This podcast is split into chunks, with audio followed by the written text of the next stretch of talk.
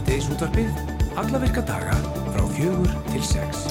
Og það er Andri Freyr Viðarsson og uh, Rafnildur Halldórsdóttir sem ætla að vera með ykkur í dag til klukkan 6. Í byrjun þess ás virðast fleiri hafa horfið frá okkur af þeim sem að komið hafa til okkar. Þetta segir Valgerður Rúnastóttir sem er yfirleiknir á vogi í samtali við vísi í dag. Þetta eru ókvæðlegar tölur og nú hefur teimi skadamingunar úræðisins frú Ragnæðar sendt frá sér tilkynningu þar sem bendir á nálóksinn nefúðan sem getur bjargað mannslífum en úðan er meðal annars hægt að fá hjá þeim. Við ætlum að ræða dag við Hafrúnu Elísu Sigurðardóttur.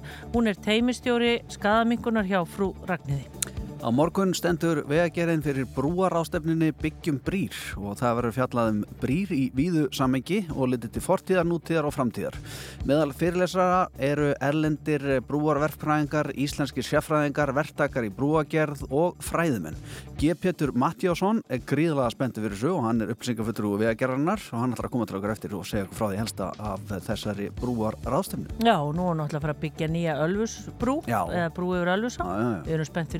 Gríðlega. Gíja Holmgjörnsdóttir, hún varði með okkur að norðanis og alltaf á þriðutöfum. Hún ætlar að spjalla við ný útnefndan bæjarlistamenn Akureyrar sem heitir Cecilia Ólafsdóttir og er meðal annars þekkt fyrir að vera eitt af vandraðaskáldunum Vinsælu. Já. Í kvöld verður kveipmyndin Auður forsind í Bíópardís en þarna er um að ræða leikna kveipmynd í fullir lengt í leikstjórn Líðs Árnasonar. Þarna er um dramatíska sögu að ræða sem að fjallar um unga íslenska konu sem að útskrifast sem atvinnu kafar í útlöndum og samfæri skólafélagana um að koma með sér til Íslands til að kanna afdrif ömmu sínar, Auðar. Og svo var talin Geðveik og fórst með skipi sem átt að flytja hann á hæli. En ekki er allt sem sýnist og Líður sem er bæði læknir og leikstjóri, hann kemur til okkar í lok þáttar. Og fyrstu daginn þá verður hátíð að lokasýning Góðan daginn faggi og í leiðinni verður gefin út plata til styrta samtökunum 78. Sýningarnar eru komnar yfir 100 en höfundarverksins eru Bjarni Snæpisson leikari og Greta Kristín Ómarsdóttir leikstjóri.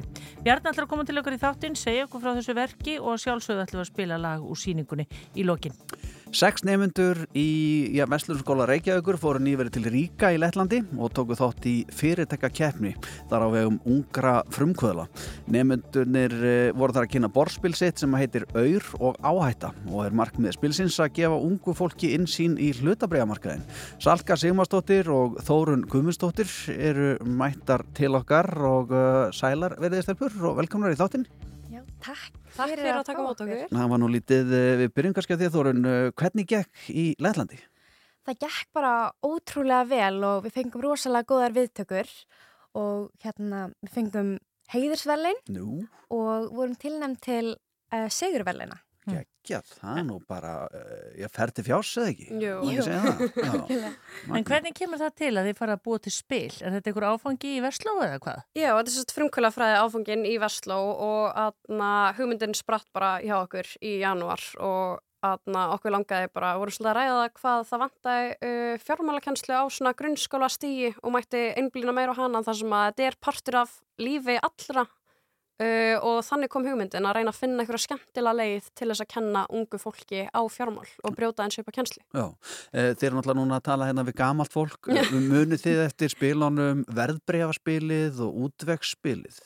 Útvegsspilið, það, það var gott. Já, það var til heima á mér hérna já, á... Já. Og svo Matador. Já, já, Matador, já, það er svona mér ekki, fyrir yngri krakkana. Já, já, já. Sko verðbríðarspilið, það var eitthvað sem maður reyndi mikið að spila, skildi aldrei neitt í og var alltaf með svona uh, sínar einn reglur.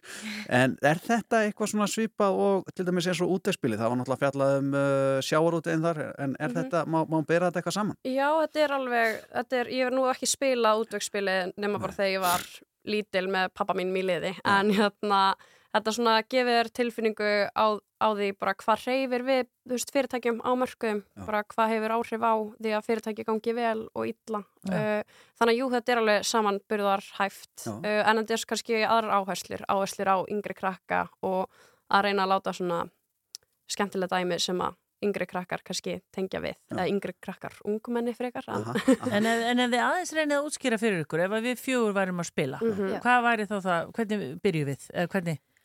Um, það byrja allir með fjárfestingar. Það eru fjárfestingar á mismunandi svona áhættu stígi. Það eru með, þú veist, litla áhættu og síðan miðlungs og síðan uh, svona mjög mikla áhættu og áhættunar, þú getur sem sagt tapað rosalega miklu en líka grætt rosalega mikið og sen getur líka, já, Já.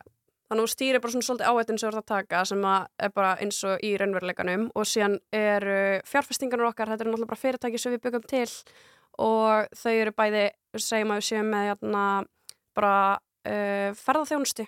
Þá erum við með nokkur ferðarþjónustu fyrirtæki og þá eru er ykkur hluti sem geta haft bara áhrif á stök ferðarþjónustu fyrirtæki en síðan geta líka atbyrgjar sem að hafa áhrif á öll ferðarþjónustu fyrirtæki heilsinni. Þannig þetta er bæði svona yfirflokkar undir Já. bara geiran sem þú ert í og bara Já. En eru peningar, eru platt peningar? já, Nú, nú. við fengum uh, svona afganga úr einhverjum svona svalar afgöngum frá blikksmiðinu Vík. Já, Þau voru að hérna, skera út svona ringi úr til að loft kæmi svona í gegnum Já. svalir, svalar handrið og við nýttum það bara til að og það er alveg, þetta þér. er pínu svona pókerstemming að hérna gefa frá sér svona auðra. Já, Ah, það er góð stemning. Eh, Þetta spil heyrðist mér líka bara eiga erendi til eh, ekki bara krakka, ég meina eh, það vita fæstir, sést nú bara hvernig landurinn gengur inn í fjármálum, Já. eh, kunna fæstir á peninga, þannig að þetta er kannski fyrir fleiri en, en bara yngstu börnin og þá spyrir maður náttúrulega sko,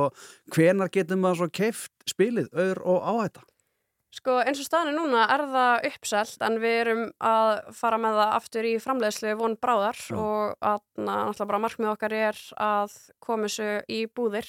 Það getur alveg verið margra mánuða ferli en það er líka hægt að senda okkur á samfélagsmiðlum og þá hérna. Og, og hvað getur margir spilað einu? hvað, fimm, Já. þrý til fimm. Já. 3-5, já. Þannig að þetta verður kannski jólaspila um næstu jóla? Já. eða? En Aldrei að vita. En stelpur allir þín okkur hætti í Vestló? Ætli ekki að klára námið? Jú, við erum, við erum að útskrifast núna í Já, þið eru það janúar. útskrifast. Vá, spennandi. Mhm. Ég held samt að Trivial Pursuit fjölskyldan, hún sé ekkit mikið að klára nám og vinna, ég menn það gengur vel að spila og svona, Já. græða bara því. En við hér í síðdeis út af við hvetjum ykkur nú til að klára þetta fyrst þeir eru að loka metrónum.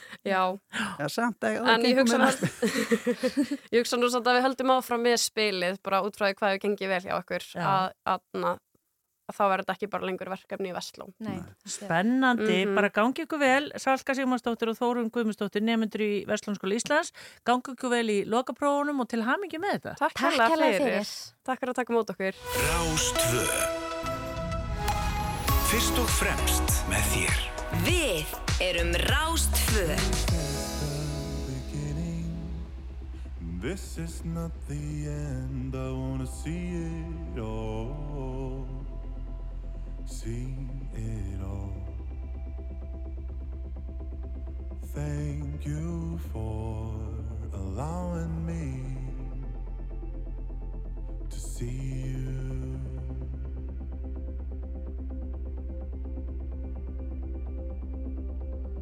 And thank you for being here, lending me your time. But first of all, thing.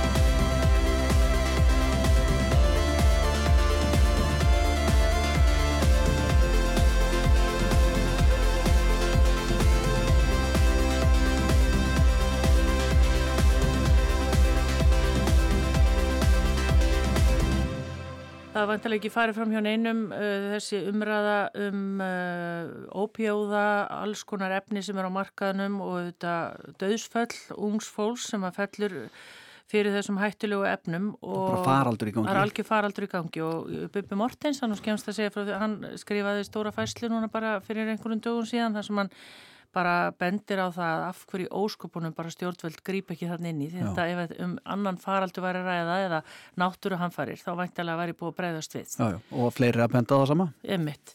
E, það okkur var bent á hérna að frú Ragnæður hefur hérna staði í ströngu núna við að útdeila nalóksinn úða sem að e, hjálpar við ef að fólk hefur tekið of stóran skamt og við ætlum aðeins að fá að fræðast um þetta, hún er í símanum, hún Hafrún Elisa Sigurðardóttir sem er teimistjóri í skadamingun hjá frú Ragnæði, kom til sælublessu Hafrún? Jú, sælublessu. Bara kannski áður en við tölum um þennan úða, eru þið að sjá breytingu hjá ykkar hópi varðandi harðari efni núna undafarið? Við erum að sjá meiri, þannig að fólk er að segja eitthvað það sem þau eru að nota, fólk er meira að nota þessi ópjöðlið og þá aðalega liðið sem heitir oxykondin. Um, við erum klálega að sjá það og svo erum við líka alveg heyra reglulega sem að fólk hefur ágjör að það sé búið að blanda þessi vara sem íblöndun efni sem eru að blanda jefnilega. Já. Er það eitthvað sem að fíklar geta átta sig á? Ég menna, er þetta, maður veit ekki hvort þetta kemur utanfrá eða hvort þetta er búið til hér innanlands eða er það, ef þú tekur svona töflu, þú náttúrulega veist vantilega ekkert hvað er í henni? Nei, nefnilega ekki. Og það er bara fólk sem nota výmefni að segja að þau kaupa výmefni þá vita þau aldrei 100% hvað því er í efnum sínum. Um, og það er líka sama með því að núna hefur við líka hefst að því að það hefur verið að pressa töflur líf sem að eins og til dæmis oxykondin við erum að heyra því að það sé verið að pressa töflur og þar er líka áhætta vegna þess að þá veit fólk ekki nákvæmlega hver skamtastefni er og hvaða efni og hvort það sé búið að bæta ykkur efni í og það er svona mikil áhætta við það einmitt að nota výmefni er að maður veit alveg nákvæmlega hvað maður er að nota. Og þess vegna er svo ótrúlega mikilvægt að þegar við erum að tala um výmefni að við séum að tala um það bara horfist yfir það að það er fólk sem nota výmefni og, og bara taka alltaf upp á borðið og, og, og til að þegar við gerum það þá getum við meira frætt líka um til dæmis skamtastærðir, um, hvað þarf að varast, um, bæta aðgengi til dæmis einmitt annað alveg svona nefanum. Ég held að það sé bara komið tíma að við fyrir að horfast auðvið það. Mm -hmm. Hvað með skjólstæðinga frú Ragnæðar, eru þeir óttaslegnir við það sem er í gangi í, í, í þessum já, bransa og sem ætti orðið komast og heyrur þau jafnvel fleiri, fleiri rattir af einstaklingum sem að vilja einhvern veginn losa sig undan neyslunni vegna þess að það var að blanda efnum í þetta sem þau eru ekki hugmyndum? Um, sko við heyrum, við heyrum auðvitað reglulega að, að fólk er sætt og, og fólk er svona, um, fólki sem við erum á þjónusta er um, alltaf reglulega hrætt og það kemur mjög reglulega upp að, að þau vilja leita sér aðstöður og fara í hérna, meðferðir og, og við einum eftir bestu geta að stýða við það og, og aðstöðu við að sækjum og komast meðferðir. Já, uh, það var einhvers sem setti þessa færslu og bendir á að það er hægt að fá þessa úða hjá ykkur. Eru þið að deila, hverja eru þið að láta fá uh, þessa nálóksin úða? Við erum með þessum nálgsan nefa hjá okkur og, og hérna hefum verið að dreifa núna í ár og erum bara að dreifa út núna 600 um, úðum og, og við erum bara, bara öll sem vilja fá nefa og geta haft samband við okkur. Mm. Og er það hættulegt per se að vera með slíkt á sér eða, eða getur útskilt það fyrir okkur? Nei. Það er nefnilega góða við á nálgsan að hann er alveg skadilaus og, og hérna og það hjálpar alltaf að hafa hann á, á sér og og það er mikilvægt að geta bröðist við og vera örug þegar fólki er að nota výmöfni og, og hérna og hann er alveg skadalist hvort sem að maður notar hann á einstaklingum sem hefur ekki verið að nota ópíða mm. og, og, og hvað gerir þessi úði, segir þú? Nefn er að þegar uh, einstaklingur er búin að taka of stóran skamt af ópíðum uh, þá kemur, getur nefn komið veg fyrir þessu öndunabælingu sem verður ofta þegar fólk tekur of stóran skamta Já og hann og er einfaldari nótkunn og er bara notaði beint upp í nefn bara eins og nefnspreið sem við notum þegar við erum hvefið. Já, En, en Hárún, veistu, eru foreldrar að nálgast þetta hjá okkur eða geta þeir fengið þetta í gegnum, þetta er livsiðiskellt lif, er það ekki? Jú, nálsson er lífsviðskellif og, og, hérna, og það er hægt að leita til heimfings og aðtöfa að þau séu tilbúin til að skrifa út nálsson. Uh, en annars eru aðstöndur hafa alltaf reglulega að leita til okkar og óska eftir að fá nálsson og vilja tryggja örgi sína ástöna sem er ótrúlega mikilvægt. Já. Er mikil aukning í aðsókn hvað þannig úða varðar hjá ykkur? Já, það er það. Eftir að, eftir að hérna, þessu var delt út á samfélagsnum þá er, er mikið verið að fengja okkur og óska eftir að fá nálsson. Já, og þið gefið þannig upp símanúmer í þessari fæslu, en hvernig er annars svona ykkar umferð háttað? Hvenar eru það á ferðinni? Uh, frú Ragnir er sjálfbóðlega verkefni og við keirum um á kvöldin. Við erum að keira á milli 6 og 9 og við erum að þjónusta hóp sem að eru heimilslaus og eru að nota vímefni í æð. Og erum að keira um að höfbrukarsæðinu og erum með náluskefstjónustu, næringu, hlíðan fatnað og við leggjum mikið upp úr þess að skafum eitthvað til fræðslu. Já. Við viljum reyna þess að við getum að reyna að tryggja örygg fólks og gerum það með svona einmitt þessar skafum til fræðslu. Hvað með fólk sem að vil komast í úðan og er búið að reyna heimilisleitnin hvert á það að ringja? Þá ringi okkur og ég hérna síma 7887 123. Sjö. Svo vil ég líka fá að vekja aðtekla á að við erum, frú Ragnir er líka á Akureyra síðanisum og, og þau er, það er líka að hafa samtöð þau til þess að fá nálsum ég var. Já. Myndið þú taka undir með Bubba Mortens að um algjöran faraldur sé að ræða, Hafrún? Um, faraldur er mjög stolt orð en það sem ég get klálega að tekja undir það sem Bubbi Martin segir er að við þurfum að fara að endurskoða hvernig við horfum á vímefni og við þurfum að fara að endurskoða hvernig við komum fram með fólk sem nota vímefni og, og ég held að þessi klálega komið tíma á að anstefnan er ekki lengur að virka við þurfum að fara að hugsa þetta dæmi upp nýtt. Einmitt það. Hárún Elisa Sigurðardóttir, teimistjóri í skadaminkunar, skadaminkun hjá frú Ragnæði. Þakka að kellaði fyrir spjallið. Ekki verið. Gangi og vel, bless. You and me, we used to be together every day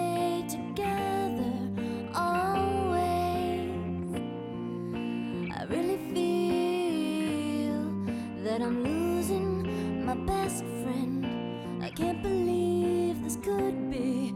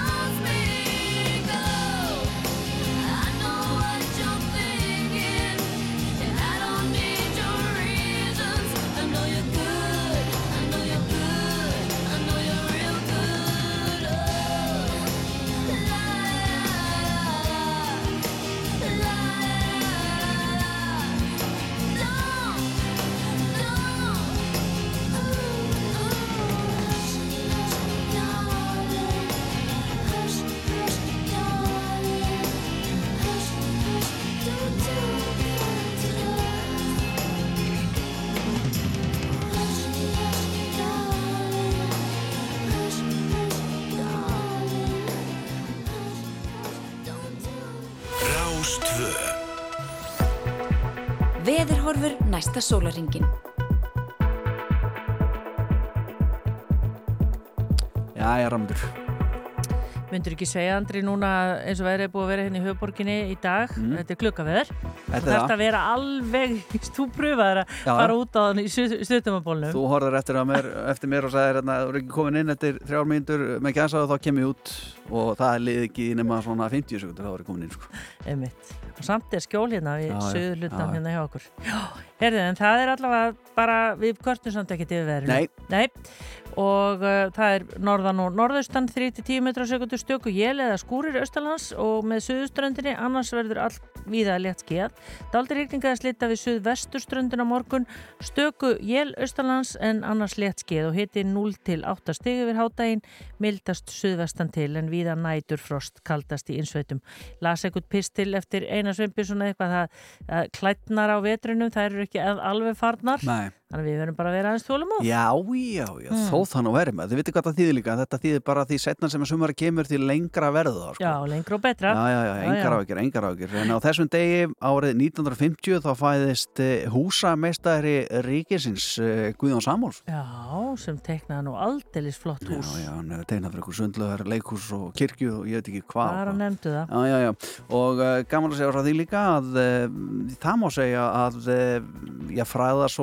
Bjarkar hafi byrjað að rýsa all hressilega á þessum degur 1988 er að fyrsta plata Sigumólna Life's Too Good kom út í Breitlandi og uh, já, bifrið var ekið upp á Kvannallarsnjúk í fyrsta kipti á þessum degi árið 91 Ha? Já, beinustilega á toppin. Hugsaði letina Mm. að nennir nú ekki að lappa þetta. akkurat, Já. akkurat Ég laði sem einhvern fjö- 75 ára sem fór þangað um helgina. Já, já, Já, menn geta þetta. er svo okkar eigin Ólafur Páll Gunnarsson hann á ammali dag og hún til hamingi með það og uh, já, svo verður þetta uh, já, fengum við slæma fréttir hérna í, í, í, í upp á hátti þegar við fengum það fréttir að, að einn af ljónbósleikurum Íslands uh, var látin, Hjörtur Hásir sem spilaði meðal hans með grafík messovorti fræblónum, kátum piltum, vinum Dóra, hann var uh, tónlistastjórn að Salatta spilaði líka með uh, Tivoli Gömmum Einmitt. og fleirum. Já, og uh, hann er allur blessaði maðurinn. Þessu sem minni kanns. heldur betur, uh, við ætlum að spila hérna lag með grafík og hérna fær hljóðheimur hjartar að njóta sín í þessu lagi sem heitir Presley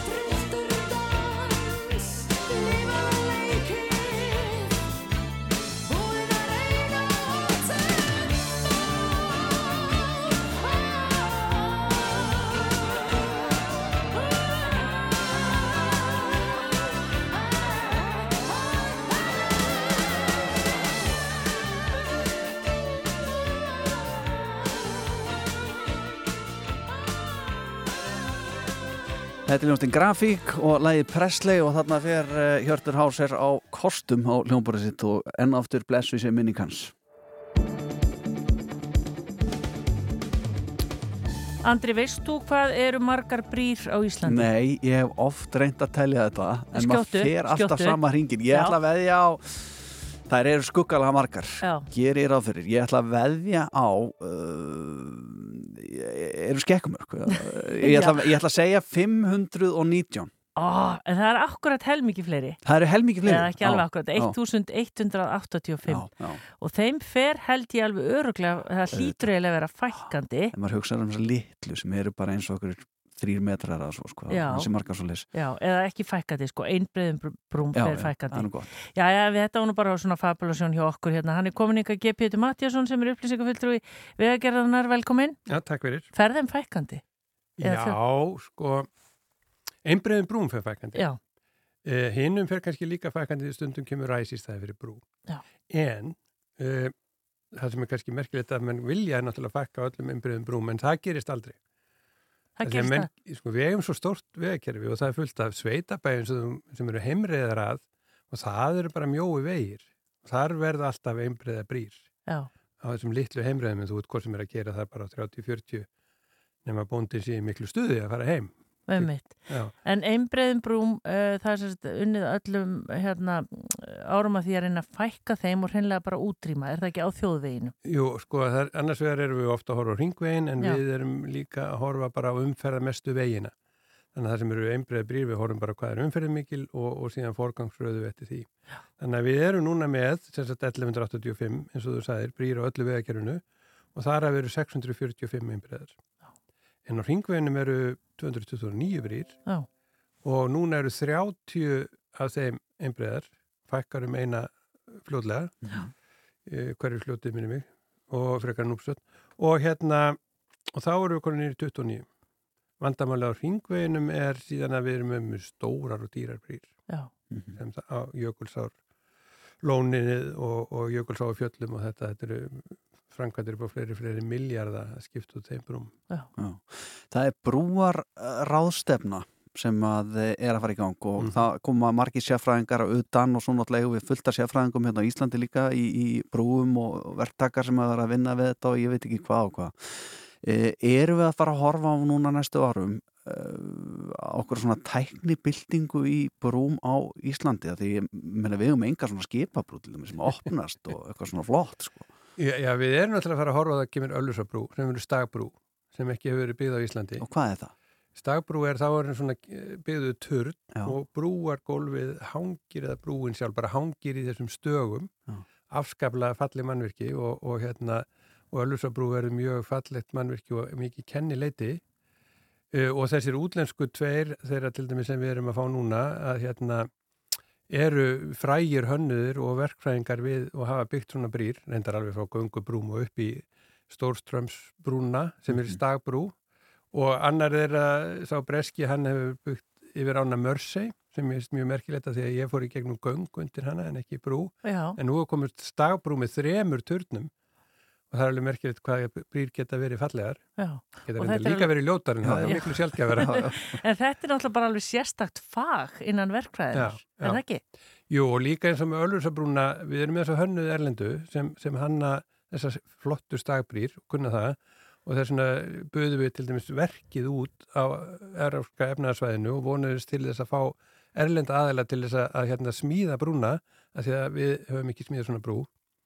Þannig, að- þannig að við þurfum að fá, já, hugsanlega erlenda kunnáttu líka, en það er bara mjög fáið sem geta hannað Ölfursabrú, af því að hún er ekki bara stagbrú, heldur eru við á Íslandi. Og hér erum við að að byggja brú, stóra brú á jarðskjaldasvæði Já. og við erum oft með eins og í þessu tilviki þá er bara öðruvísi jarðfræði öð, sitt hverju megin við ána.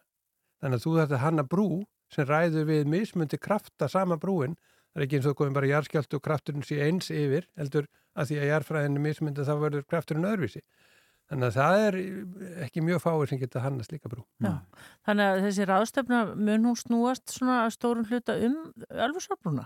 Nei, en hún verður til umræðu og, en það verður bara allt tekið fyrir, bara brýr í fortíð, nútíð og framtíð. Já, Þannig að, að hérna, það er náttúrulega saga brúagerðar í Íslandi mjög merkileg og er náttúrulega samgöngu saga líka þar sem hérna, þetta skiptir öllu máli. Við þekkjum Ölfursá og Þjórsá og, og, og, og til dæmis fannst mér merkilegt þegar ég uppgötaði að gamlar leiðir er alltaf lengst inn í land.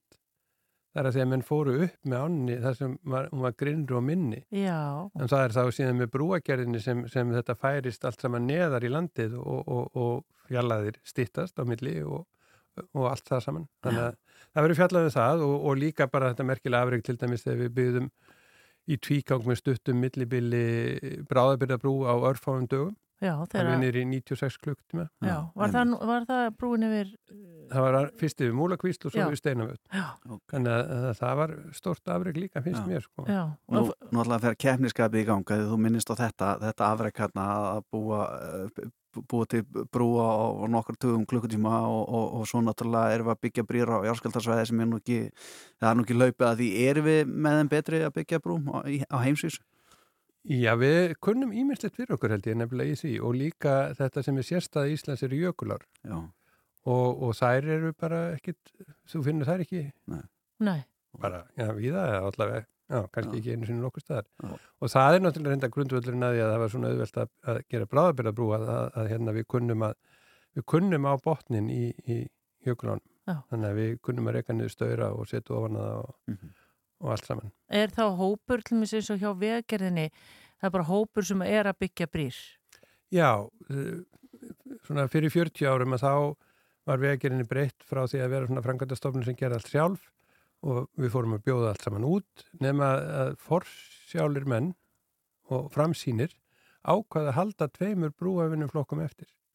Það voru einu flokkarnir sem voru í vinnu áfram hjá vegerinni. Já. Að því að menn töldu að vegerinni þyrti að hafa þessa kunnáttu, þekkingu og reynslaði að byggja brú og geta náð í að gera það strax. Og síðan bara kemur í ljós fyrst 96 þegar skeiður á hlaupi var og síðan til dæmis þessum tilvíkum að þetta var algjörlega nöðsilegt. en þá það má ekki byggja nema tvær í einu þá. Jú, sko þegar við vorum að gera bráðabæri það fóru báði flokkandir Já, já, já. og annar þeirra var í sumafrí og var náttúrulega bara kallaður út og, og hérna, þannig að þá finnum allir mannskapurinn í það sko. Já. Sko, þú, Geipindur, náttúrulega þekkir alla vegi landsins og maður svona gerir áfyrir því að þú sem að keira það á flesta ef ekki alla. E, áttu? Já, já, Já, en kvítabrúin er náttúrulega stórkostleg hún er stórkostleg. og fnjóská sem er núna bara gamla brúin í fnjóská sem er bara göngubrú hún er afskaplega falleg líka Mm og, og ég nefnilega fór yfir henni þegar ég var þryggjara á bíl. Og bara, já. Vá, hún er svo mjó, við, Já. vorum að, við vorum að skoða þetta í fyrra sumar, maður er að hvernig í óskopunum var þetta hægt? Nákvæmlega, en þetta gerði mér árum saman. Já. Eru brýr uh, friðar? Eitthvað brýr? Já, já, Já. já, já, við höfum endurgert marga brýr og einn þeirra er, er hérna, í kvalfyrðinum Já. síðan eh, 1907, frekar en nýju. Þannig að hún var orðin 100 ára þegar við endurbyðinum Já. og hérna, Og hún er bara við hliðina og bara friðuð. já, já, þann, þannig að það var friðað við endurbyðum en alla og, og höfum gert það við fleiri brýr. Já.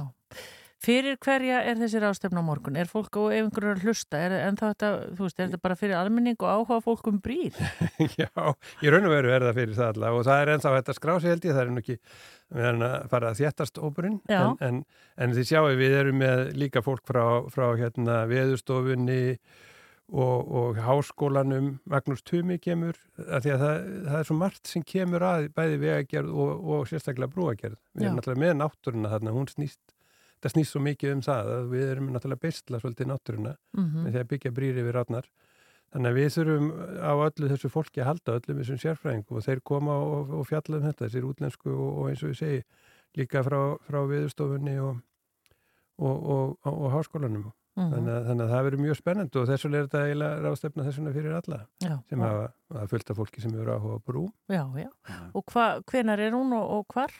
Hún er í, hvað þetta heitir, Reykjavík Hotel Grand, hótel heita þetta svona skrítuna. Sigtúni hérna? já, Já, já. við liðin á gamla blómáli og hérna og í háttegi þar og, og byrjar klukka nýju og við verðum alveg til rúmlega fjögur Mm Það sem þú segir að hótelin heita allir svona skrýtnum öfnum munað eitthvað tíman koma til þess og er eitthvað brú á Íslandi sem að heitir ekki íslensku nafni? Það eru 1185. Já, ég veit það, ég veit það, ég veit það. En að ég treysti mér ekki til þess að lofa en, en nei, ég held að það heiti nú allar í íslenskum nöfnum. Gott. Alla nánar upplýsingar inn á vegagerðin.is Skeppitur Mattíasson, takk kjærlega fyrir komuna og gangi ykkur vel. Takk fyrir mig.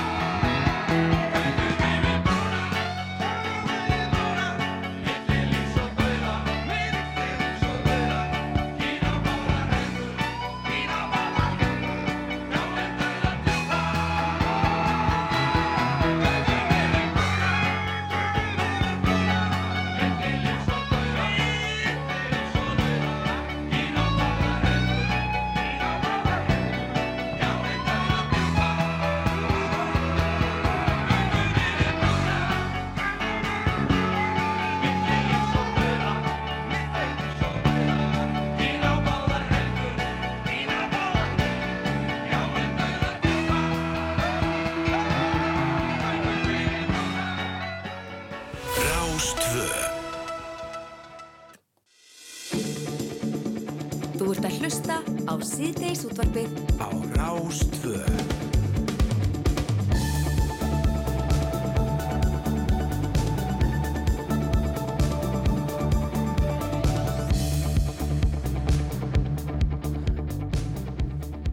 Þetta byrju mér? Ég er að býða þetta þegar ég er að stara á þig og horfa þig. Það er mér nefnilega þannig að ég get ekki tala fyrir ég er búin að setja mig Já, ég ég það. Þetta er vist líka svona heima þér. Já, en við erum búin að fá góða gest til okkar. Hann heiti Bjarni Snæbjörnsson og er leikari og leikstjóri og ímist tónlistamæður og ég veit ekki hvað og hvað. Hann er kominingað í tilöfna því að nú eru síningarnar á góðan daginn faggi komnar yfir hundrað. Velkomin. Takk fyrir. Og kærlega. hver hefði trúað þessu? Ekki við. Nei. Þetta er bara neyðanúmer, sko, þetta er komið í 112. Já, einn, einn, tveir. Já. Einmitt, við höfum kannski átt að hugsa um það betur fyrir promo. Já, en rifjum þetta eins upp. Já. Bara söguna af þessu verki sem að fjallar daldu um þig. Já, fjalla bara um mig og, og svona mína eh, bara mína tókstreitu og, og baróttu við gagginni við mig og hvernig ég reyndi nú að lifa upp í þau svona til að byrja með á æfi minni en tókst mjög illa því að ég er hommi og svo skrifaði ég rosa mikið á dagbókum uh, þegar ég var ungu maður, unglingur og brefaskrift, ég átti pennavinn út um allan heim og var döglegur auðlis í æskunni og svona eftir pennavinnum í pennavinnudolkinum þannig að ég Ég var þær enda líka. Já, geggjað, já. þetta var góðu staðu til að vera á. Geggjað. Og hérna, og já, og svo bara fyrir svona sex árum þá fann ég allar þessar dagbækur og grófu bref hjá vinum mínum og æskuvinnum og frændfólki og svona og bara smíðaði úr þessu þessu sönnu sýningu sem er bara sjálfsæfi sögulegur heimilda söngleikur Mm. Já. 112 sýningar, hvorki meira en minna Nei. og maður velti því fyrir sér þegar að sko, þú er búin að vera með svona sýningu sem að á einhvern veginn að reyfa við fólki Mhm. og, og fá það til að hugsa á svona e, fyrir einhverjum áratugum síðan þá hefði þessi sýning verið tölur erfiðari kannski en hún er í dag með, jafnvel með framíköllum og, og, og bara kannski einhverja típur með skildi fyrir utan e, lendur eitthvað í, í slíku? Sko, já, við gerðum það í, Við fórum í ferðalög í, í skóla um allt land og það kom fyrir einu svona tvisvar af, ok, við skulum hafa það hreinu það voru 56 sýningar eða eitthvað svo leys fyrir skólakerfið að það við lendum í smá hekli Mm.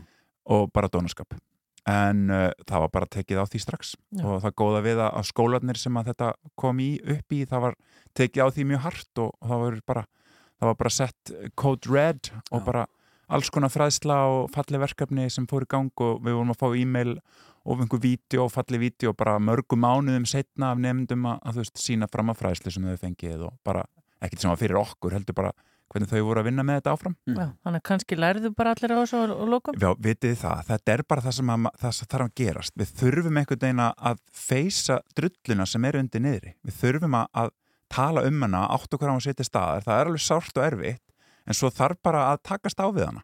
Mm. Það þýðir ekki að vera hérna, skeitingalaus og láta eins og þetta sé ekki til staðar eða sé ekkit mál. Þetta er bara eitthvað svona, þetta er bara strákalæti og þetta, æ, þetta eru bara fávitar og þetta allt saman. Það er bara, nei, stoppum aðeins, hvað var að gerast hérna? Þau erum bara að tala um það. Já. En af hverju, af hverju, einhvern veginn er þetta bakslag og af hverju eru ennþá einhverju þarna úti sem að, veistu það, ef þú vissir? Já, sko, það eru alls konar, sko, eitt, hvað höfðu langan tíma? Já, við höfum smá tíma. Já, ok, sko, það er alls konar, það er hægt að tala um samfélagsmiðla, til dæmis.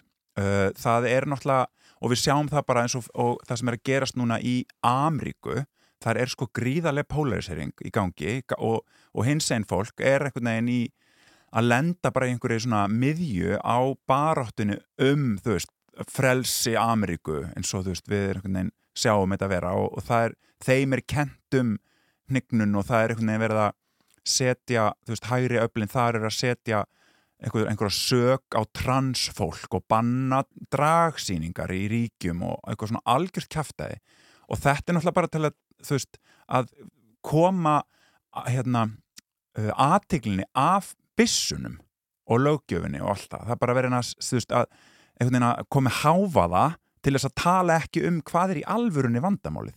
Og þetta er bara svona polarisering og, og, það, að, og það er samfélagsmiðlar og það er líka á hér og, og, við hefum bara frétt af því að börn og unglingar, þú veist, eru bara að og eins og þetta, þetta gælt sem að koma upp sem að Axel Ingi félagi minn í síningunni sem að er tónskaldið, hann lendi því á svona mannunni sinum að það var gælt að þeim þegar voru að fagna brúðkupsamælinu síðasta sumar í þeim miðbæra ekki okkur og fleiri vini mínir bara meðan dag og og þetta víst eitthvað trend á TikTok að, að hérna að gelta að minnihlautahópum og það var að vera eitthvað aðeinslega fyndið. Og þetta er alltaf bara ungir kallmenn sem er að gera þetta innan gæsalappa grín.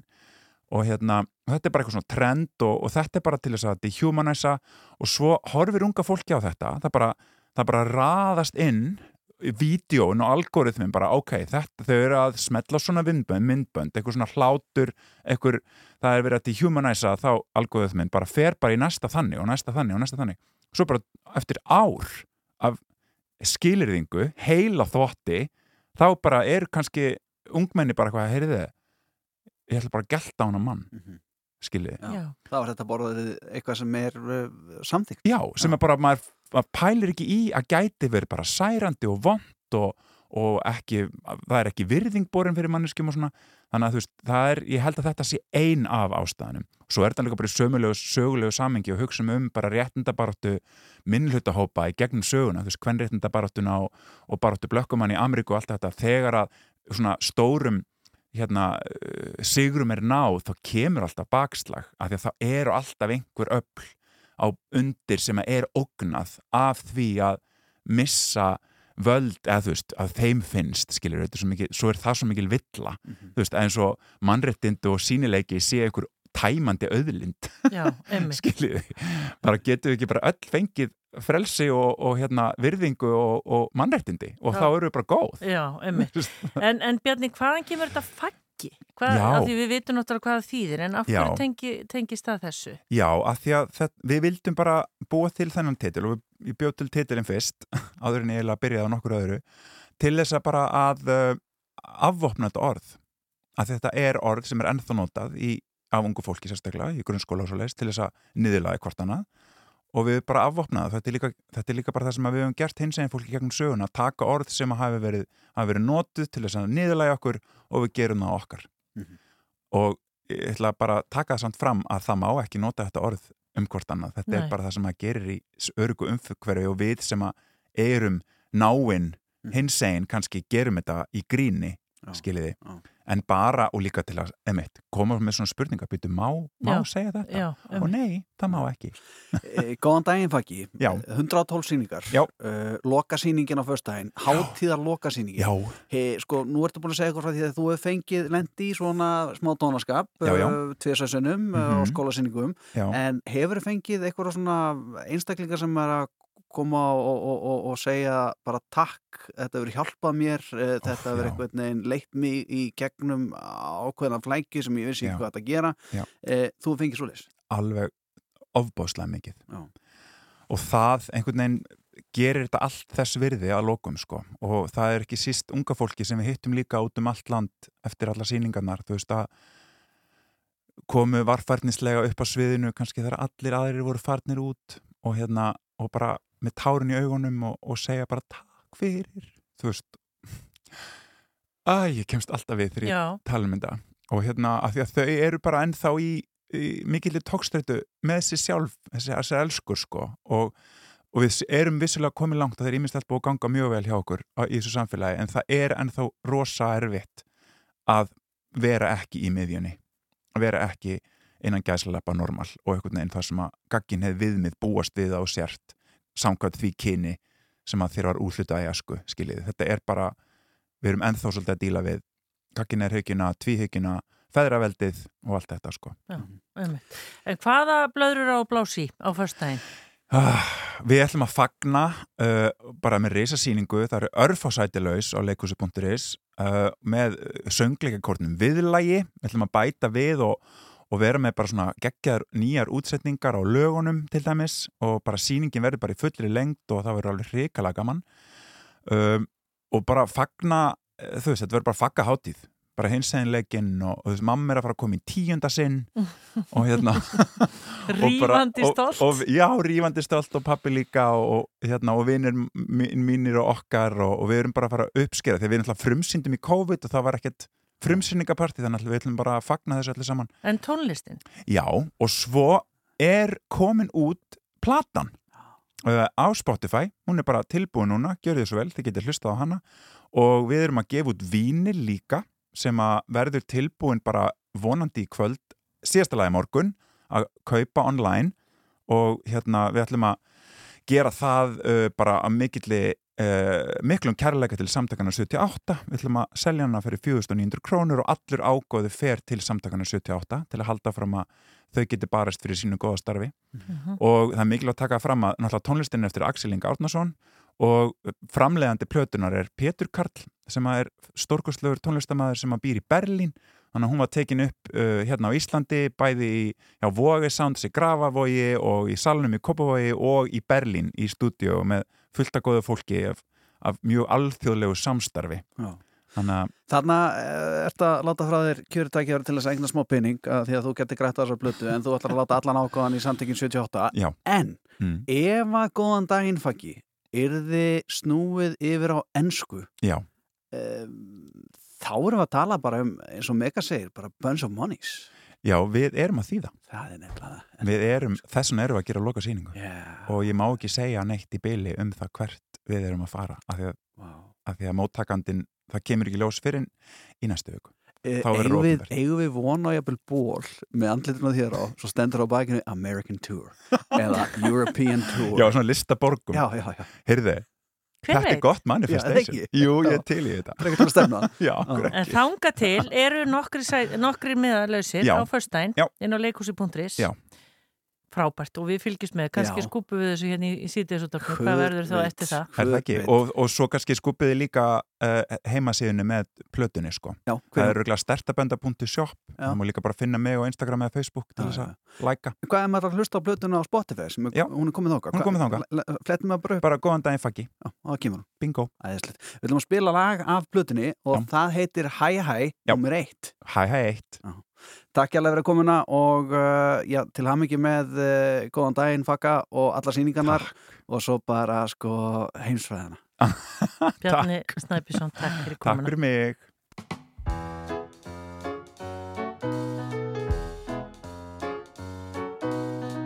Hæ hæ, má ég vera hominn þinn og þú verður hækjan mín. Ég mun alltaf passa að þú verður sæt og fín. Verslum, djömmum, drekkum og druslumst Hlæjum, höngum, á fyllir í kissumst Ég vil vera kjöldur ekki þinn í prata tösku Og allir halda að við séum straight par á föstu. Áráleg pæling. En einhver hluta vegna þá leiður eftir það aldrei. Spes Eins og Stanford í Sex and the City. Allir elska mig í stelpupartí Ég skal velja á þig föt og kenna þér að totta. Og ef þú þarft á djamminu þá get ég kokkblokkað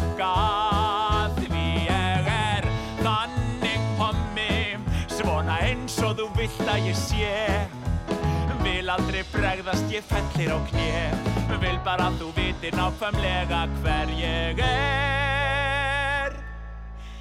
Ég er svona homma hækju hommi. Ég sver. Hæ hæ, núna kenni ég þér hvernig þú átt að klæða þig. Og ef þú þart að innrétta hús þá spyrðu mig Mála, líma, raða og mæla. Slaufur, kjólar, farði þess að hæla. Stundum er ég spurður hvort ég þurfi ekki að spara. Og hvort ég þurfi sjö metra borplötu úr marmara. Fáróleg pæling. Þessi borplata er að fara að koma mér á forsíðuna á hús og íbíli Art Deco, Art Nouveau, grafík og flæði. Vintage, barock, að stílis er en æði. Ég elska fagra hluti og mun alltaf við þig segja. Ef eitthvað tísku trend er við það að deyja. Því ég er þannig hommi Svona eins og þú vilt að ég sé. Vil aldrei bregðast, ég fellir á kné. Vil bara að þú vitir nákvæmlega hver ég er Ég er svona ekta epalhommi. Ég sver Þetta er Bjarni Snæbjörnsson og lagið Hæ Hæ nummer eitt. Og þetta er hægt að hlusta á, á Spotify. Þar er öll lögin úr verkinu, góðan daginn faggi, þau eru aðgengileg þar. Þið skrifir bara einfallega góðan daginn faggi og þá fáið öll lögin og hver veit nema þetta að vera eitthvað sem flutt á ennsku eins og sagði okkur á hann Bjarni Snæbjörnsson sem vildum nú samt sem áður lítið gefa upp en við ætlum að skipta yfir á okkar konu og Akureyri hérna rétt eftir sem er Gíja Holmgjastóttir og hún er með nýkryndan bæjarlistamann Akureyrar hjá sér. Það helsta. Síðdeis útvarpið Frá fjögur til sex á Rástfjörn.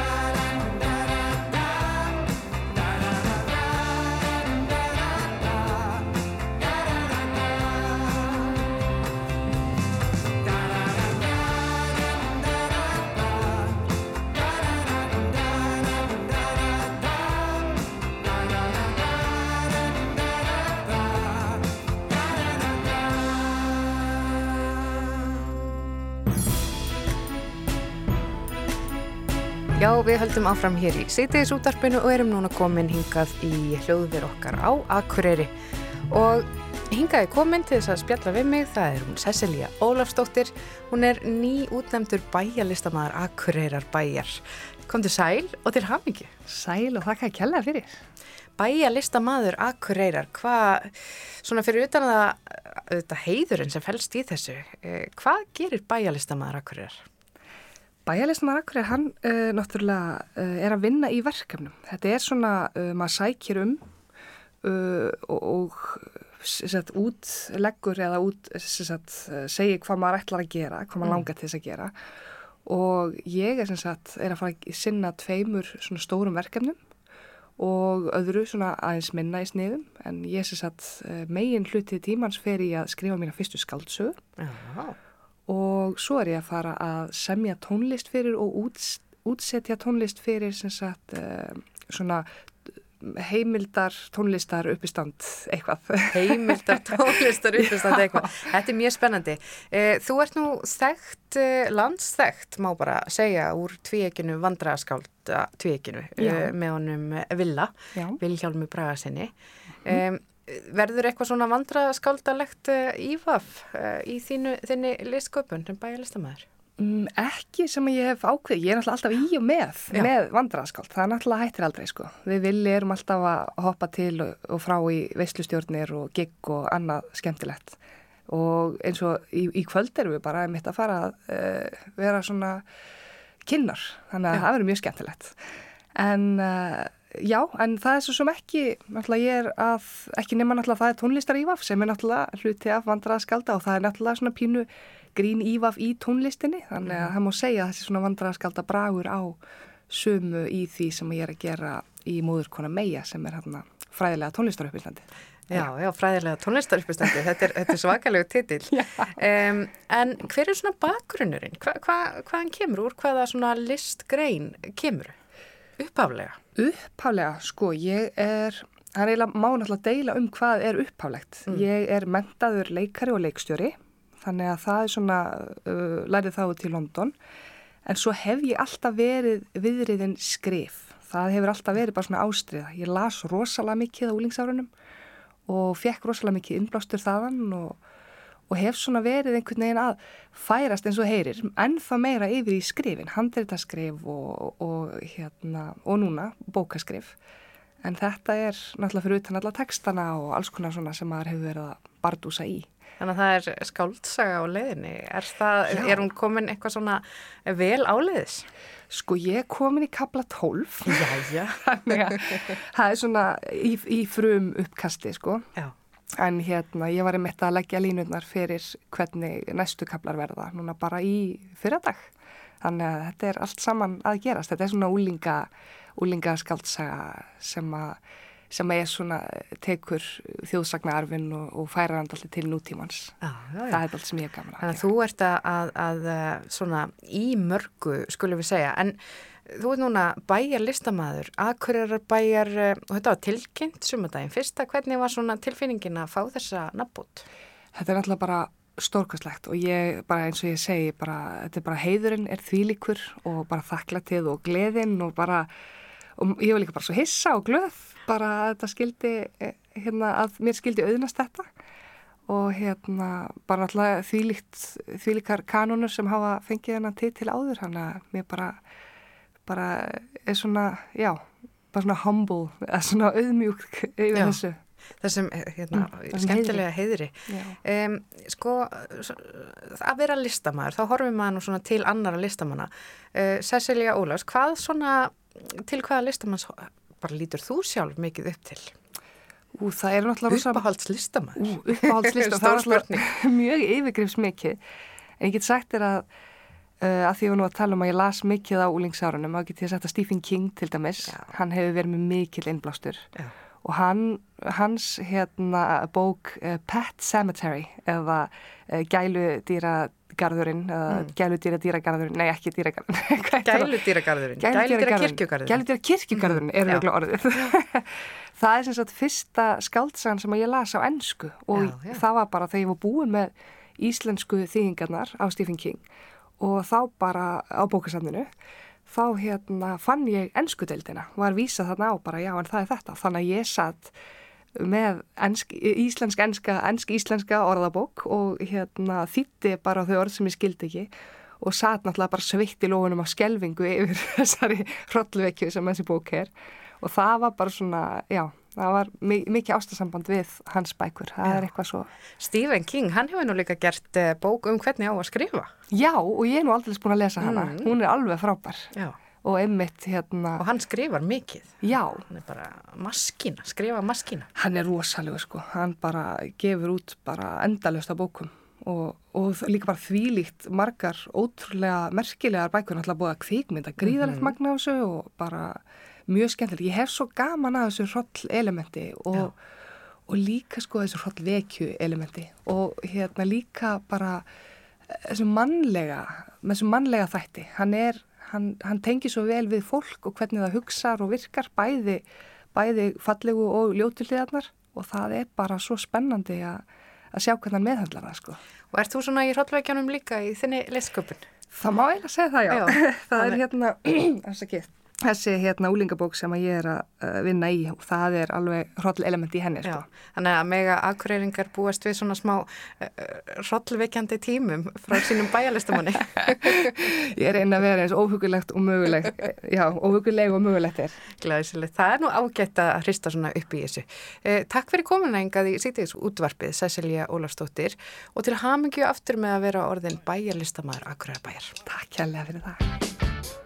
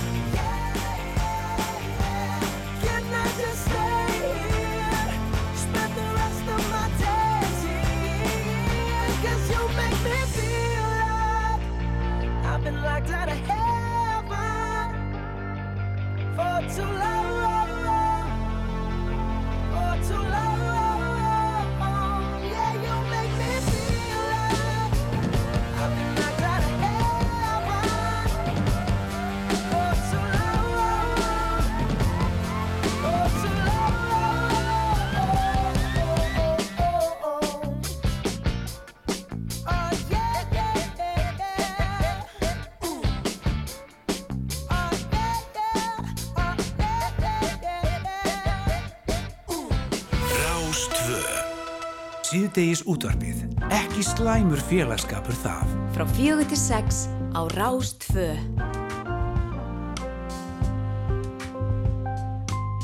Afsakið en mætti ég Fá að ræða létt við húsfrúna Af almættinu sendur er Hún þarf að komast aðeins út núna Hún þarf að dilla dilla bara dansa smá Tætt og trill að fá sér smá í tá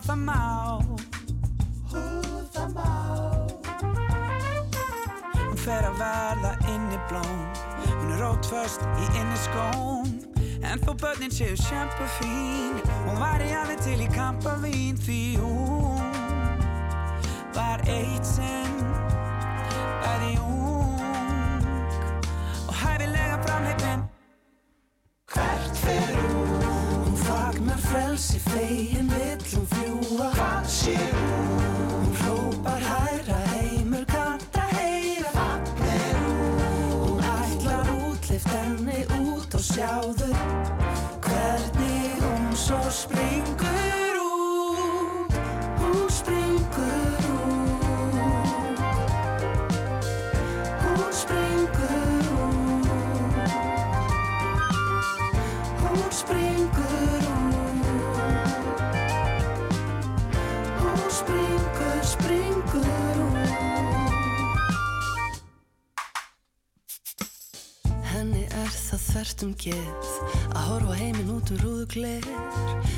Sófa setin ángur vær og búin að vera væru kær en núna er það laus og orðin sött af endalausri innirödd Hvert fer hún? Hún fagnar frelsi fegin vill hún fljúa Hvað sé hún? Hún hrópar hæra heimur kanta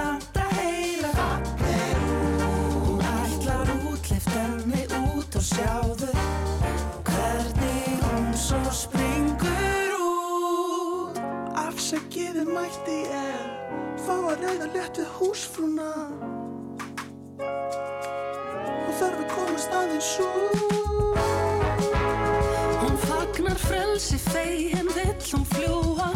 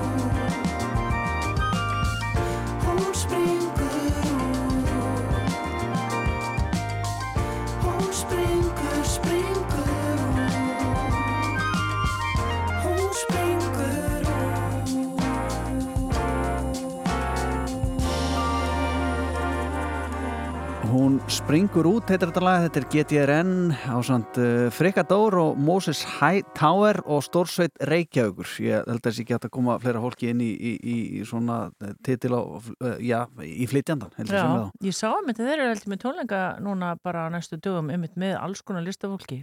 Moses? Nei, Stórsvitin Já, já, já, já, já, jú, Moses og Frikka Já, já, og já, einhverjum fleirum Herði, en það er mikið að gera á uh, kvítatjaldinu hvað var það íslenska kvikmyndir og við erum nú ofta fjallum það hér í síðdegisútarpnu og í kvöld þá verður kvikmynd sem heitir Auður, hún verður forsýnd í Bíóparadís og þetta er sem sagt uh, leikin kvikmynd í fullri lengt og leikstjórin er Líður Átnarsson og hann er hinga komin, velkomin Takk ykkur fyrir. Er þú leikstjóri og höfundur handrits eða hvað? Það er víst, já. Já, og hver er auður? Segðu okkur aðeins af þessu. Auður er ung kona sem býr í áskektu þorpi á Íslandi fyrir svona 60 árum. Það hluta myndarinn gerist nýjum 1960 og hún á þessi geði vandamál að ekki er en vandamál að stríða og, og, og kalla samfélagi nýti sér það á staðnum Já. og síðan snýst þetta nú eiginlega gegnum þannig að, að þeir ákveðin að senda hana burt og hún kemst nú aldrei á, á leiðarenda.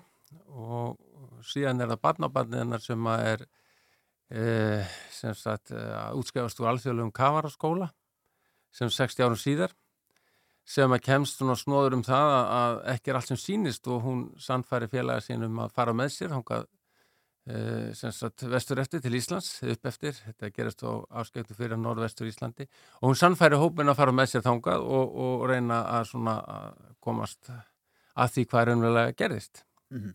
Er þetta einhver leiti byggt á mm, raunveruleikunum? allar svona myndir eru eitthvað Mhm. við að raunveruleika uh, svona kveikjana þessari mynd var kannski uh, þegar ég var ungur maður á, á hérna kleppi og var að glugga í sjúkraskíslinn þá sá maður svona alls konar innkomur af fólki sko. Og svo var ég uh, svolítið löngur síðan stattur í jökulfjörðum og þá fór svona þetta á stað, þetta hefði geta verið hennar saga og ég bara bjóð til mín eigin sögum, hvað hefði geta gerst, hvernig Já. þetta hefði geta vorið sko. þannig að þetta er, þetta er bara skáldaði í, í mínum eigin haus. Já, og þegar þú ert að glugga í þessum skýslum þá sem læknir, að þú starfar Já, það- já, þannig að það er engin nafngreindur, þetta Nei. er ekkert svoleið sko. en maður er auðvitað í mínu starfi sem læknir, þá er maður alltaf að komast að alls konar lutum og, og maður er að leikstýra leikritum allan daga, Mhm. litlum leikritum sko, sem sum fara vel og sum fara illa og Já. stundum hefur maður áhrif á eitthvað, vonandi til góðs Já. þannig að þetta er svolítið leikstjóra starf sko, sumleita að vera heimlisleiknir Já. Hvernig fer það þá saman að vera leikstjóri svona á kvöldinn og, og, og, og rauðudónum og, og vera svo læknir hinn að dagana? það fer bara nokkuð vel saman það er svona gott að hafa trygga vinnu og það hefur gert það verkum að ég get svona kannski sinn því sem að mér langar að sinna á rauðutöfun Já. Það er nú, sko, þú ert náttúrulega, þú hefur komið víða við, þú ert í tónlist líka. Er þetta svona að lista geða nýðir líður sem að, ég maður veit svo sem ekki hvað þetta kemur þetta er bara já, sem er hafa gaman að herstamennsku að skýða göngu og ég hef gaman að þessu og, og reynir bara svona nýta minn tíma sem best í það sem ég hef gaman að gera já, en það er ekkit grín að gera heila kvikmynd í fullri lengt. Þetta er búið að taka langan tíma. Þetta er búin að taka alveg örugglega 7-8 ár síðan að hugmyndi komið upp og þetta er náttúrulega tóngtu vessin að standa í kvikmyndagerð Já. og, og mikið erfið á baki eins þessu myndir sem er ekki styrt þannig að hún lítur hans öðrum lögmálum heldur en, en myndir sem fá helling af peningum Já.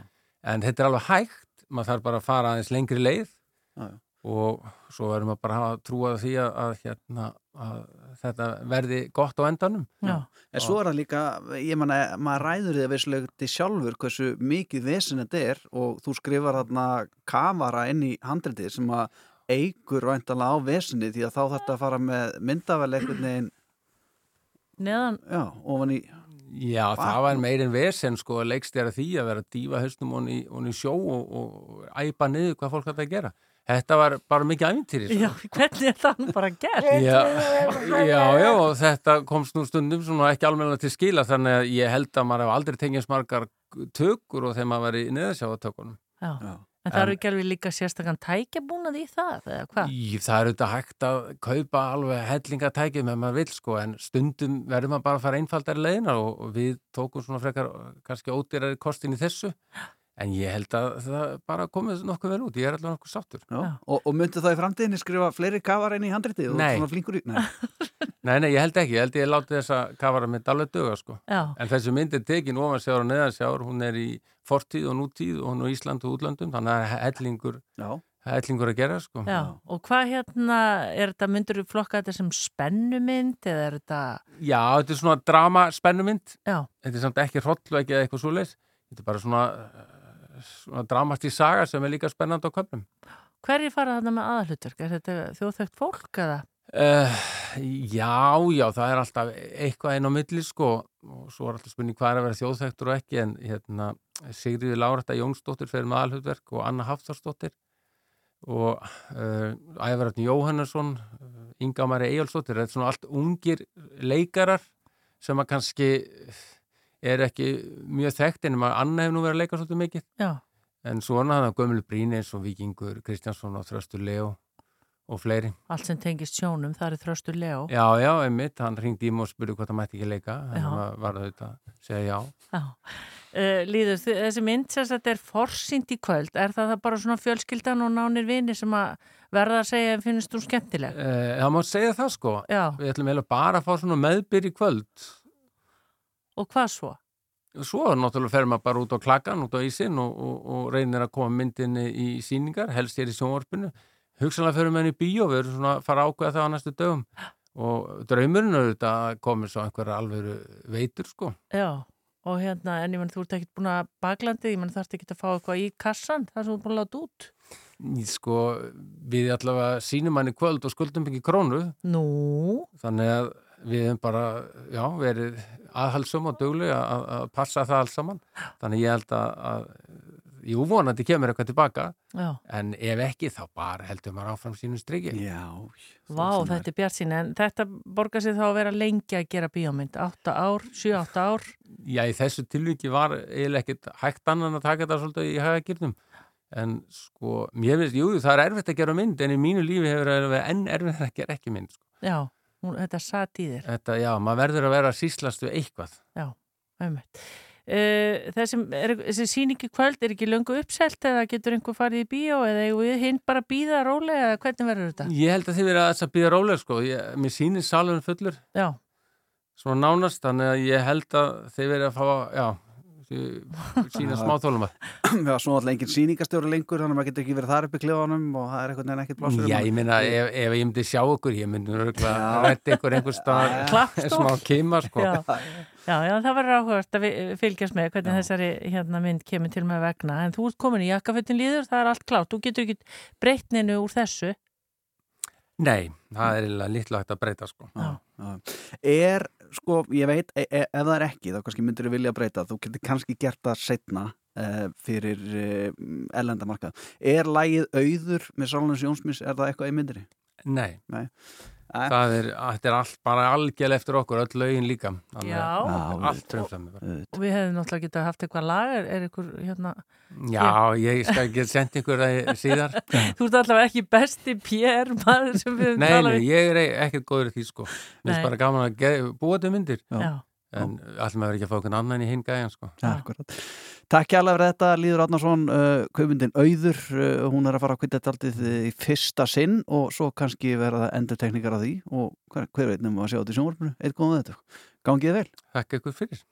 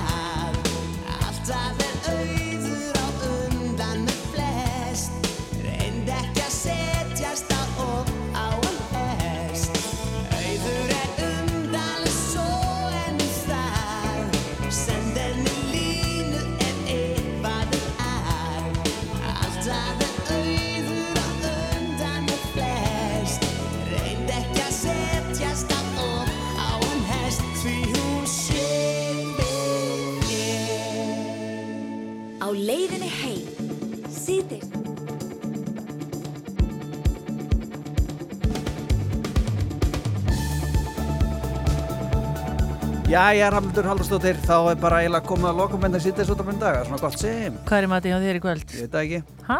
Þú varst að hendi hendi með einhverjum drikkirnar eitt á hann, ég, svona, Já, Dalí sattu bara. ja, svona, allan Ein næsta klukkan, en já, já, kannski maður, já, já, kannski maður gerir vel við sig í kvöld, hvað Já. veit.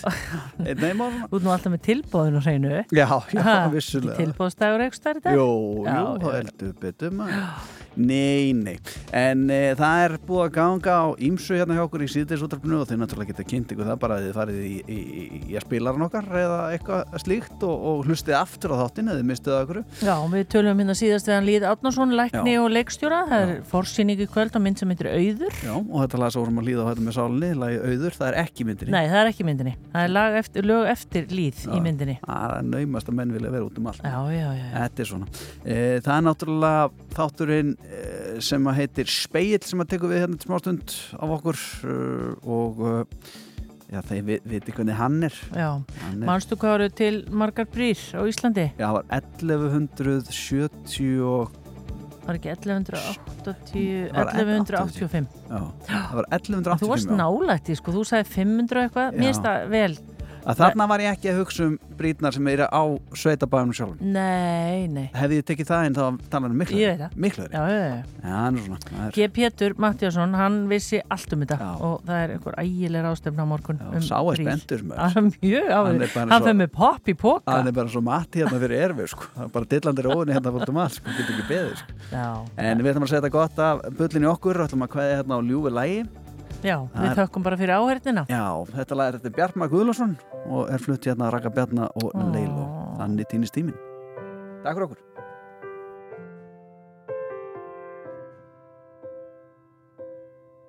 Líkt og ástarljóð sem enginn fjekk að njóta